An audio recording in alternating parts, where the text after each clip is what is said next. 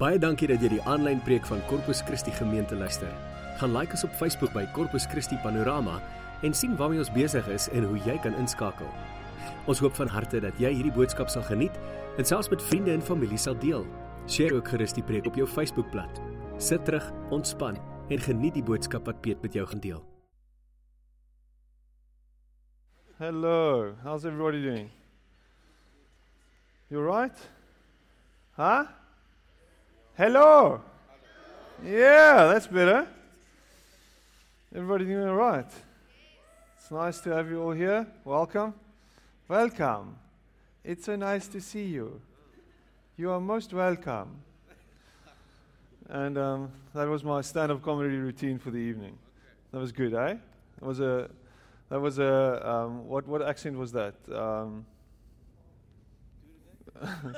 welcome, welcome. No, that's my it's my Indian um, accent. I can do some Australian if you want. How's it going, mate? How are you going? No worries, mate. No worries. There we go. I hear we've got an Australian in, in the crowd tonight, so welcome. Welcome all the way from, where are you from? Sydney. Sydney. Sydney, Sydney there we go. It's nice to have you here. You're welcome. Um, my brother lives in Bundaberg. Yeah, which is weird because he doesn't drink rum, but yeah, apparently that's the place where they make rum, Bundaberg. Anyway, so um, this is Cape Town, and I'll speak in an Afrikaans accent. Is that all right? let's bow our heads and let's pray. Heavenly Father, thank you that you're not just somewhere up there in the sky, somewhere out there like Midler sings, from a distance you look down on us. You don't look down on us from a distance, you're here with us. We are in your presence. By your Spirit, we are in your presence. And more than that, Lord, you live in us. And you never leave us and you never forsake us. And for that, we are truly grateful. And my prayer is, Lord, that you'll, you'll just speak to us tonight. You've already spoken, and we've heard your voice. And, and my prayer is that you'll just guide us through the rest of the night and just remind us of your love for us and the fact that you've called us and that you have a plan and a purpose for our lives. And for that, I'm, I am grateful. Thank you that we are called your children and that you are our Father and that you want to be in, in a relationship with us and that you love us no matter what. Thank you for that, Lord. Amen.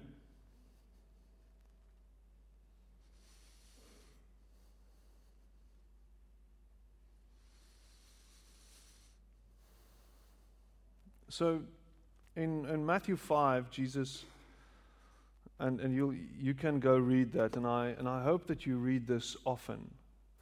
Because Jesus, in, in Matthew 5 to 8, preaches, I mean, the, the biggest sermon ever.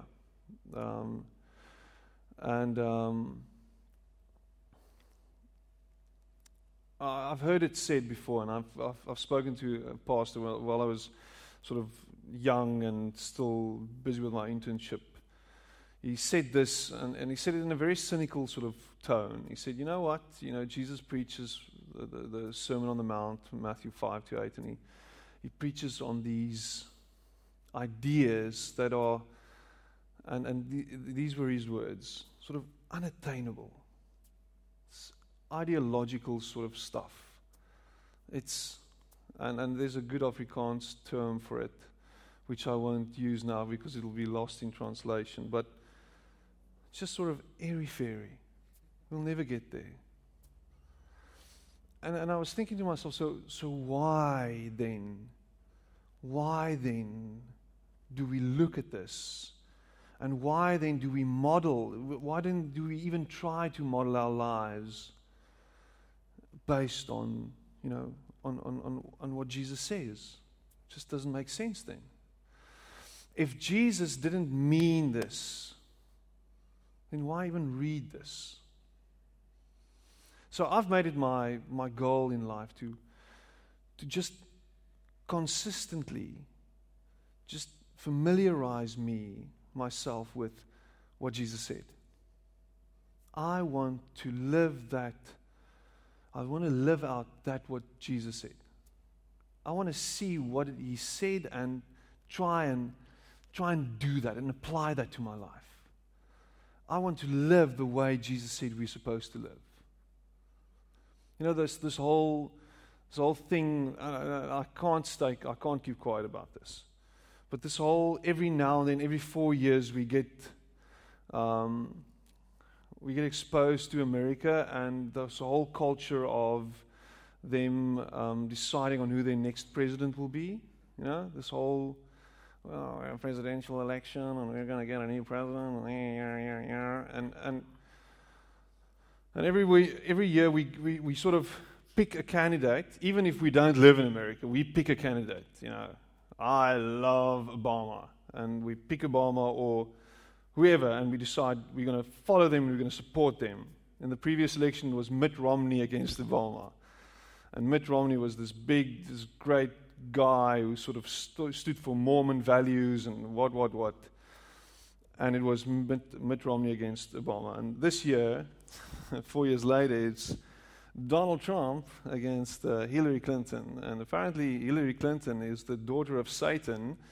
And uh, according to Donald Trump. And Donald Trump is sort of he's always he's almost a sort of a heavens heavenly angel sent from above, which is very interesting and very ironic. So when he says that his favorite verse in the Bible is that verse that says an eye for an eye, then I sort of I become very uncomfortable. That really upsets me. Because that, that is something that Jesus came and he sort of overturned. Jesus said, You heard it say. But let me tell you something. And here in Matthew 5, he says the following He says, You've heard that it was said, an eye for an eye and a tooth for a tooth. But I tell you, do not resist an evil person.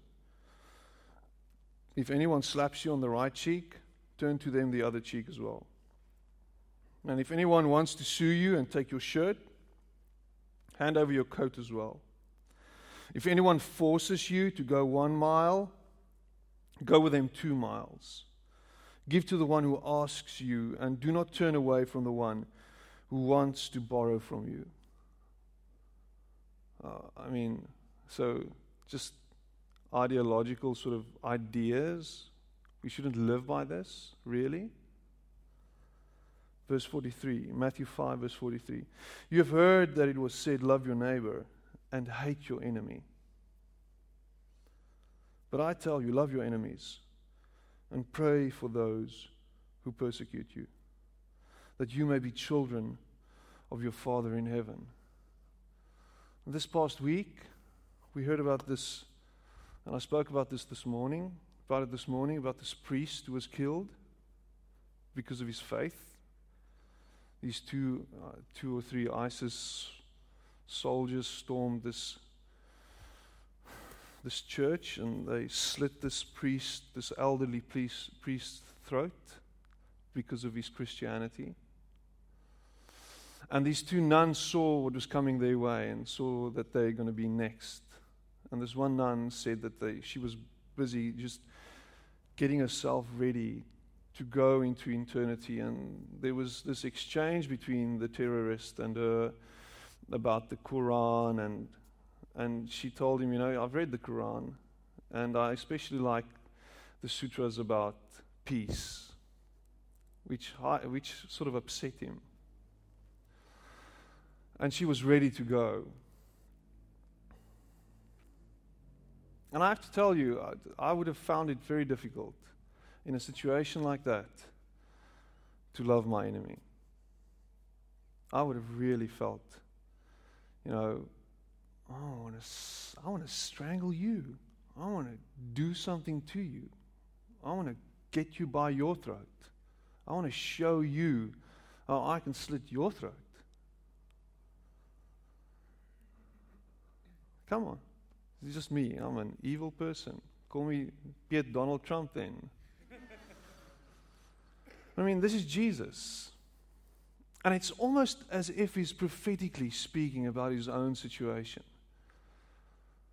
And he's, he's preparing this crowd for what's going to happen to him. You've heard it said, an eye for an eye, but I say, turn the other cheek. Hmm. this is tough.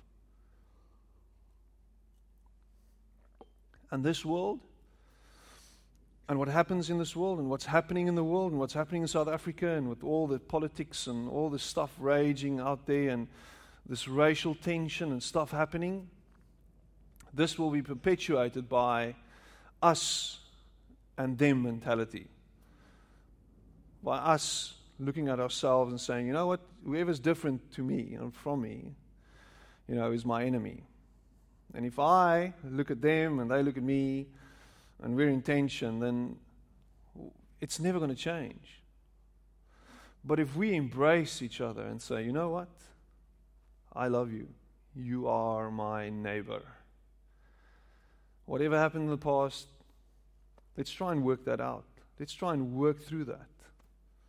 You've been harmed in the past if you're not white, and I have to ask you for forgiveness for that. And let's, let's, let's try and work this out so that we can walk into a future without tension, without hatred, with love. And let's model that what Jesus said. And let's try and figure this out. Oh, Piet, you're politicizing tonight. You politician, you. No. I'm just trying to live out that, what Jesus asks of us. And yes, maybe the, the, the, question is, maybe the issue is more complicated than it seems, and maybe there's some, some tension and some stuff, and it's not black and white, it's more of a gray. And yes, I agree, there's a lot of stuff that we need to work out. But if we take Jesus by his word, then maybe, maybe these things can sort of dissolve and the tension can disappear and we can embrace and walk into the future. So let's go back to to um, the gospel and, and, not Matthew five, but let's look at um, Luke nine, Luke chapter nine, and you're welcome to turn there if you have your Bible, your app open there.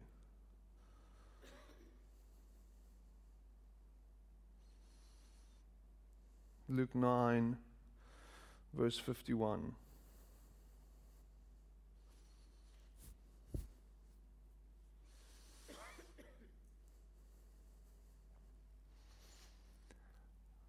It's not very deep tonight. It's actually very straightforward. As the time approached for him to be taken up to heaven, Jesus resolutely set out for Jerusalem. He was on a mission. And there's sort of a turning point in the gospel where Jesus, where it starts getting momentum, it's gaining momentum. He's, he's busy healing people left, right, and center. And then in verse 51, we hear this. As the time approached for him to be taken up to heaven, Jesus resolutely set out for Jerusalem. Jerusalem, he knew what was going to happen to him, he knew what was set out for him to do, he knew what his mission was. Jerusalem is coming. And in Jerusalem, destiny is awaiting. It's coming for me. Just a side note. How clear, how clear is the picture in your mind of where you're heading? How clear in your mind have you defined the dream you're living for. Just, just sort of for a moment, just think about that. Listen to this. As the time approached for him to be taken up to heaven, Jesus resolutely set out for Jerusalem. He was heading there on purpose. 2016. Oh, ah, just go with the flow, man. Let's just see where the tide takes us. No worries, mate. Just work it out. Just, just go with the flow. Just think about that. I'm just dropping it there. And he sent messengers on ahead who went into a Samaritan village to get things ready for him. But the people there did not welcome him because he was heading for Jerusalem. And when the disciples, James and John, saw this, they asked, Lord, do you want us to call fire down from heaven to destroy them? But Jesus turned and rebuked them. Then he and his disciples went to another village. How crazy is this? Look at this picture. James and John. John, who looked at himself and sort of he, he pointed to himself as the one who Jesus especially loved. The one who was sort of Jesus, the sort of the witbroodjie, the apple of his eye. He, he really, the disciple who Jesus loved. He, he, he, if you read the Gospel of John, you'll see that he, he um, refers to himself as the, the, the disciple who, who Jesus loved. So the, this picture is, is perfectly sketched, and it's, it, I love this. So here are these, two, these Jews going to a Samaritan village, and, and, and you know the context. Uh, when, whenever the Bible refers to the Samaritans, we know that they're referring to a people who the Jews don't respect. The Jews look at them and they sort of look at them with disdain. They sort of, these people are below us. They are dogs in our eyes. There is no hope for these people. And when we go to them in the capacity that Jesus sent them, we sort of, we are coming, you know, we are on this mission. Uh, the Messiah sent us. We have come to prepare a place for him. And these guys were sort of, What are you doing here? Just leave us alone. You, you, you're not welcome here. Go. Go. Go away. I'm making all these funny accents tonight. I'm sorry, forgive me. and and and and so so so the Jews go there and they've got this they've got this this this view of themselves as important as better than other people. And it's interesting because, you know, when I recently, you know, I've spoken about this, but I was in, in Israel a few months ago, in, in November last year. And, and, and it was very interesting. I got this, this idea, and it was strange. I, I really, I'm not, I'm not, you know, I'm not making this up. But you get this idea that Jews don't like other people. If you're not a Jew, they really don't like you. It is very, very interesting, and it's almost palpable the, the, the, the, this feeling of, you know, pushback you get from them. Sort of look at you, not very friendly, sort of, yeah, yeah, yeah. Go on. And it's, it's, it's very interesting. So when the Bible says, you know, Jesus sent his disciples before him to go prepare a place for him, they sort of went with this air about themselves. Let's go to the Samaritan village, and they must listen to us. Hear what we have to say. And when they weren't welcomed, their first reaction was immediately so, Jesus, you want us, which is, I mean, it's crazy. They're not hospitable towards us. So let's call fire from heaven and destroy them. what? Really? I mean, imagine that was, imagine the Bible affirmed that. And imagine these Jews, you know, called fire from heaven. If someone is not welcome at your place, you just call fire from heaven and you destroy them. So the Jehovah's Witnesses knock on your door. I'll call fire from heaven. Go forth and be burned. You are not welcome. Which is very interesting because I've sort of reversed the whole thing now. But I mean, look at this picture. It's ridiculous. They feel offended by a lack of hospitality and they want to call fire from heaven.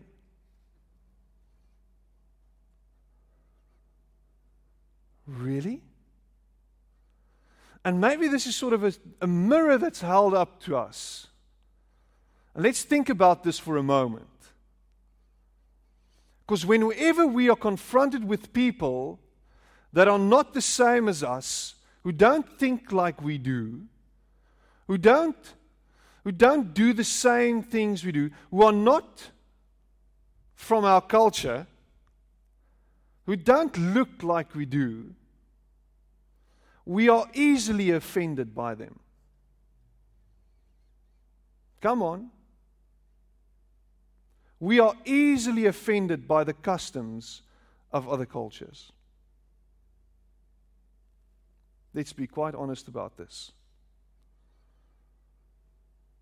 Have you ever heard the term African time?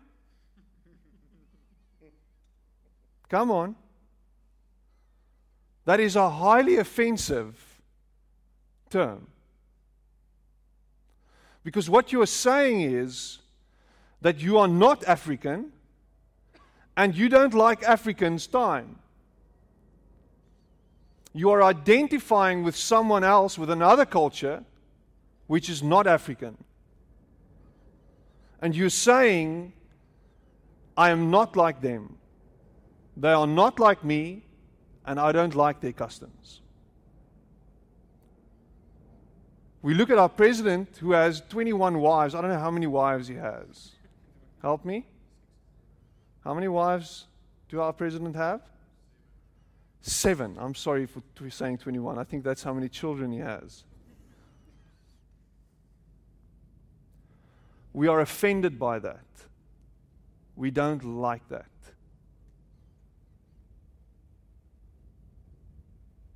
Are you uncomfortable yet? Have you called fire down on our president yet? Have you said some ridiculous things directed towards Robert Mugabe? Why haven't someone assassinated him yet? Who said that? You have. I've said it. Forgive me. Is he on your hit list? Have you, got, a hit list? Here we go. We've got an assassin in the room. Walk away slowly. Don't turn your back on her. But hey, people, how are we going to bring about change when we look at other people and if they're not like us and if they don't like us, we just want to beat them up? How are we going to change South Africa if this is our attitude? And I have to say, this sermon makes me uncomfortable. Because I know if I look inside myself, this is what I carry around with me. I struggle. If I meet someone who is not of my culture, who doesn't speak like I do, who doesn't think like I do, who doesn't go about their lives the same way I do, I feel uncomfortable. And we can carry it not just from from a, to, towards a cultural perspective, we can carry it to something else as well. If they if they're not in the same sort of hierarchy in terms of our you know levels of accomplishment in society, you know they, they, they, they may be a bit below us in terms of earnings. Maybe their sexual orientation sort of offends us let's call fire down from heaven and let's destroy them. Is that what you want for us? From us? Lord, we'll do this. I'll do this for you. In the name of Jesus. How many things have been done? How, how many terrible things have been done in the name of Jesus throughout the years?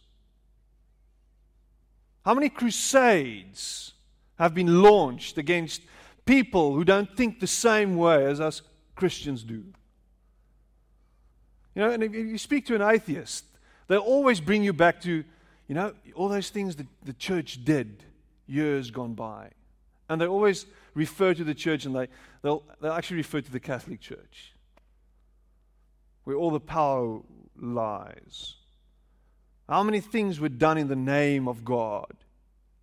How can you justify that? And I have to say, I wonder how Jesus feels about that. How do you think Jesus feels about stuff that went on in his name? I think he, f- he finds it highly offensive. Because if you think to yourself, and this is, if we want to put this passage in context, it started off with he was heading towards Jerusalem. In his mind, Jerusalem was on his agenda. Jerusalem? The place where he will be killed. The place where he will be humiliated, the place where he will be taunted, the place where people will spit on him, where he will be unjustly crucified, the most terrible way to die in the Roman Empire was crucifixion. It was a terrible way to die. And it was, it was, it was done to the most, the most terrible of people. And here's Jesus. I will make an example of him. You don't speak out against the empire. Really? And Jesus knew what was going to happen to him. So you say you're the Son of God? You say you're the King of the Jews? So why don't you call down the angels to come and save yourself? And I mean, if, if Jesus, if Jesus lived according to the creed of Donald Trump, he would have said, okay, fine, I'm hanging on a cross, but it's going to rain fire in this moment. Imagine that. Let's show you an eye for an eye.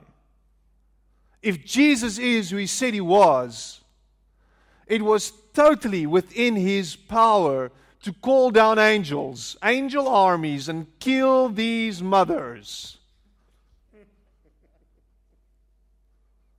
And yet he chose not to. And yet he chose to die a death of humiliation, a terrible death. And we as Christians, we take this and we say, you know what? Jesus died for our sins, which is great because I didn't have to die for my own sins. And I want to make a statement now. It's a shame.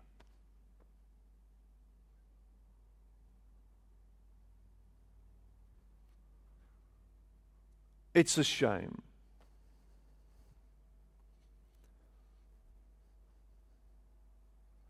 It's a travesty that Jesus decided to take the sin of the world on himself.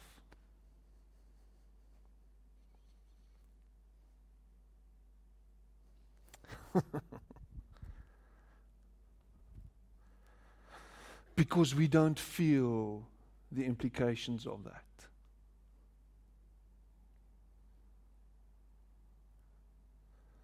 Because if we really understood the implications of that, our lives would be and would look totally different. If we understand the forgiveness we received, the grace we received on the cross, we will look at another person and think to ourselves, I want to show you the same grace that Jesus showed me. I cannot not share this. I have to share this. But we're not good with that. We are not good with forgiving others. We are not good with setting others free. We are not good with speaking life. We are good with retribution. We are good with, He deserves that. We are good with karma. We love karma.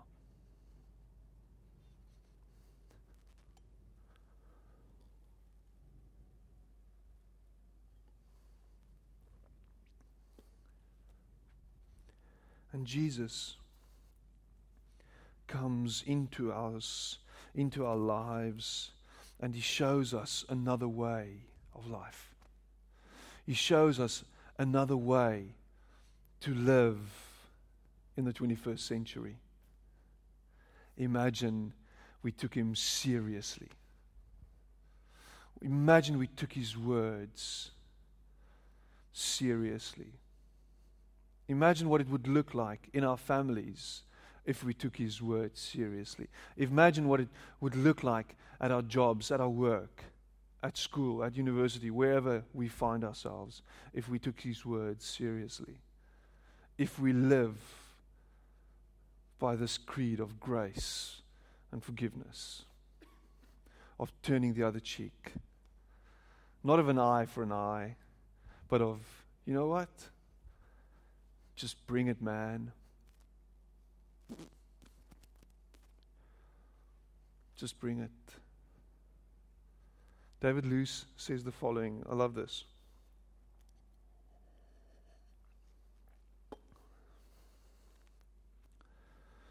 So, what if Jesus' cross and resurrection are less about forgiveness of sin in some abstract sense and more about God's promise to enter into our chaos and our fear. Stand with us through all that frighten us. Remind us that God will not abandon us and bring us to life on the other side. Because what drives us and because what makes us react to things the way we react is the fear we have is the fear that if I don't react, if I don't do something now, I'm going to be steamrollered. I'm going to be abused. I'm going to get hurt. So there's this fear. There's this highly strong presence of, you know what, I have to make myself seen and heard. You know, my dad had, a, had this saying always, and it was interesting because he's a pastor, but this is the advice he gave me. He said, Never hit back, but hit first. it was beautiful, you know, in my mind at first. I thought, yo, that's a great, that's a great teaching, Dad. It's not biblical. it's it's pre-biblical. It's sort of don't hit back, hit first. And why? Because there's this fear that, you know, if you hit back, you're not going to hit with the same force, and he's going to expect it. But if you hit first, you won't expect it. But it's always, it always comes from fear. And Jesus and the cross stand with us through all that frighten us. Remind us that God will not abandon us and bring us to life on the other side, which is what the cross modeled. He went through this fear himself. He himself was scared of what lay in front of him. And eventually he overcame death by not retaliating, but by overcoming it. By, by just conquering death. And he showed us the example I will be with you in death. In every single situation that you will face, I'll be there. And out of it, there'll be new life. New life will come from it. Resurrection power will be revealed through it. We don't get that. We don't really believe that. We want to avoid death at all costs. We want death for our enemies. But Jesus said, I will be with you in death. I will be with you in death, and I will be with you in resurrection.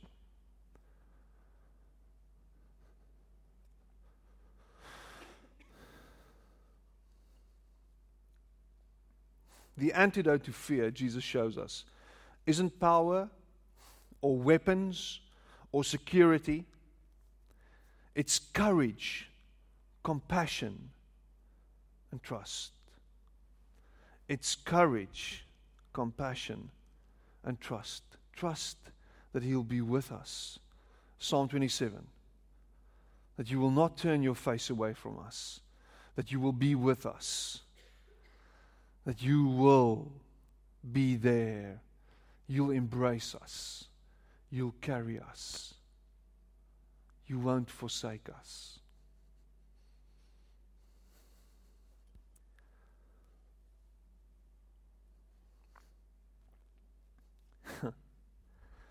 so, James and John, don't call fire from heaven because you're scared because you're offended, because you don't understand. What you do is you call grace from heaven. Lord, let me show your grace in this moment. Let me show your forgiveness in this moment. Lord, I need your grace and I need your forgiveness in this moment for my thoughts, for my fears. And thank you that through your love, all fear is conquered and removed in Jesus' name. Imagine what this world will look like if we take Jesus by his word and we trust that he'll be with us and that he won't leave us and that he'll carry us. Even if it means that we die. And on that bombshell, amen. Let's bow our heads and pray. Lord Jesus,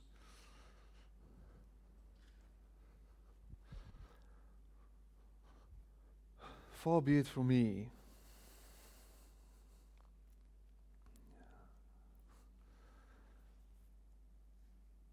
to stand in front of people and try and sound like I've got it all figured out. Because I don't. And I want to call down fire every now and then.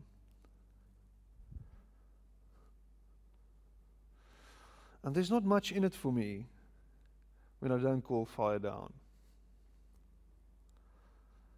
Or quite frankly, it's, it's highly uncomfortable when I'm offended, when I'm hurt when people turn their back on me.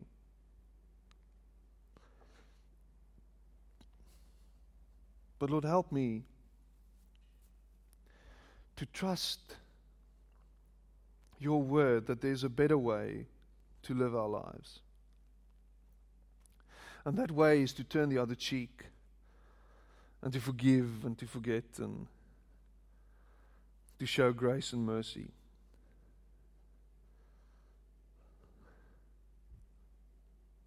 Help us to be compassionate in this day and age. Help us, Lord, to be you in situations where our human nature wants to retaliate and react. Help us to follow your ways.